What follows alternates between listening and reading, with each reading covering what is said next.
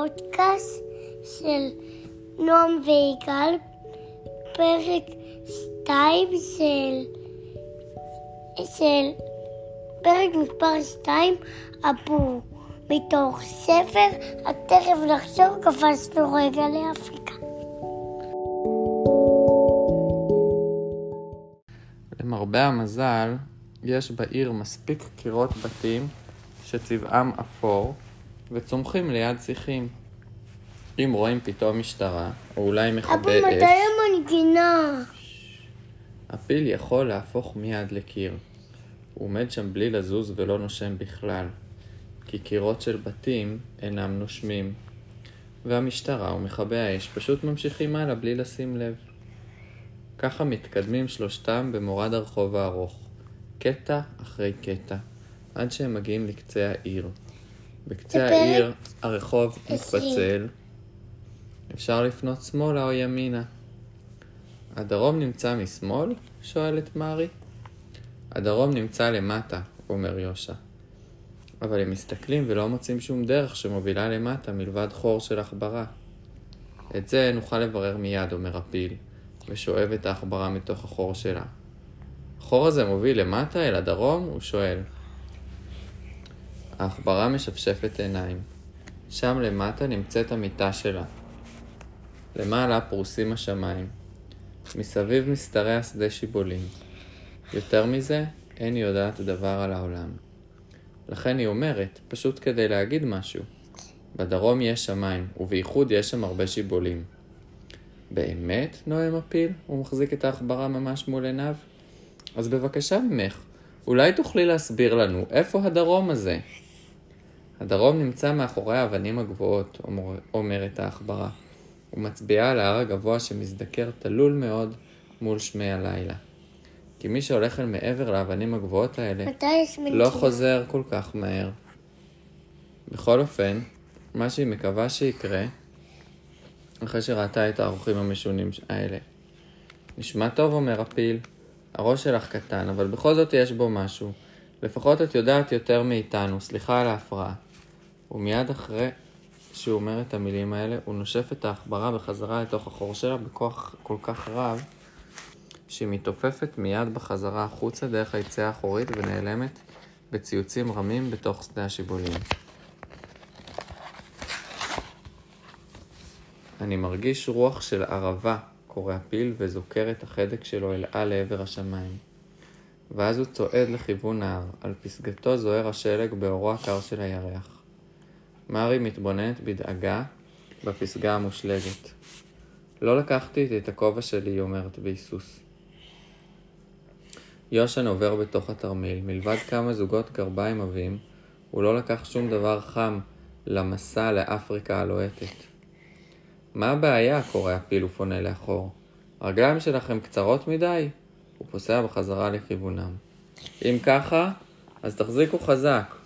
הוא כורך את החדק שלו סביב יושע ומרי, ומושיב את שניהם על גבו. אנחנו יוצאים לדרך, הוא מחצרץ כמו חצוצרה. אפשר להתחיל במסע. גבוה על גבו של הפיל אפשר לראות למרחקים את כל שדה השיבולים וגם מעבר לו. נכון, הוא יותר גדול מהם. כן, שם למעלה, גבוה כל כך, כל העולם נראה רחב מתמיד. איך קוראים לך בעצם? שואל יושע את הפיל, אחרי שהוא מתרגל לכל הנדנודים והטלטולים האלה על גבו. בגן החיות קור... קראו לי בודו, אבל אימא שלי קראה לי אבואו. אבואו אומר את השם שלו עם או ארוך של געגועים. אבואו, לוחשת אבו. מארי. ואיפה אימא שלך? היא לא רצתה לבוא איתך? עכשיו אבו שותק לרגע, ואז הוא אומר, לאימא שלי היה לב שבור. היא נולדה באפריקה. היא הגיעה לגמרי לבדה לגן החיות. בלי ההורים שלה. היא אהבה את הערבה ואת האופק האדום.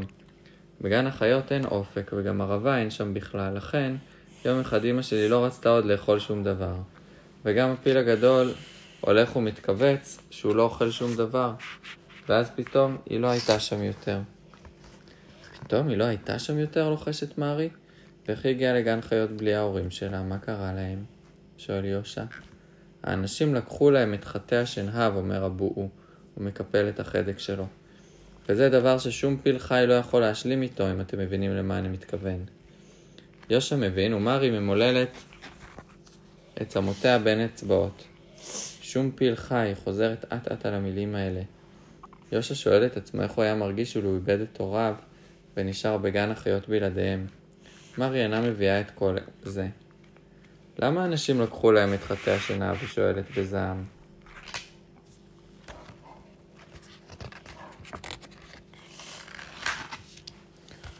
אומרים שמגלפים מהם פילים, פילים משנהב, אומר אבו. שכחנו אותה! את זה מארי ממש לא מצליחה להבין.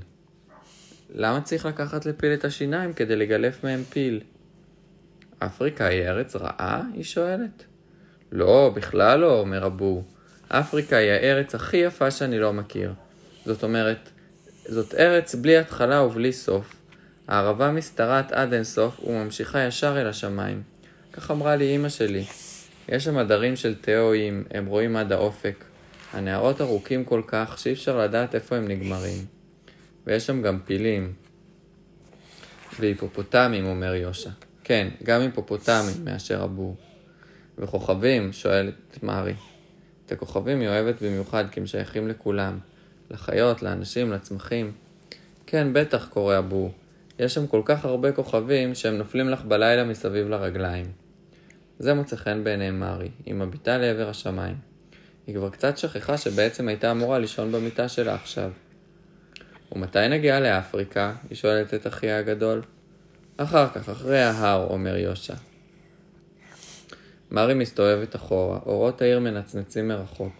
אבל עוד מוקדם מדי להתחיל להתגעגע, היא אומרת לעצמה.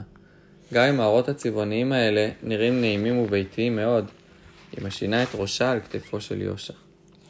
מארי חושבת על כוכבים נופלים.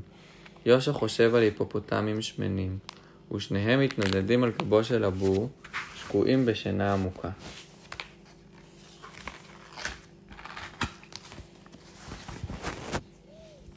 זה הפרק עשרים.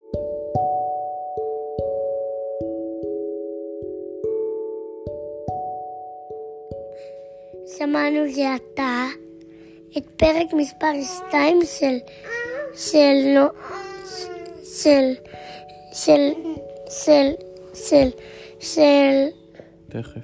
נחזור קפצנו רגע לאפריקה.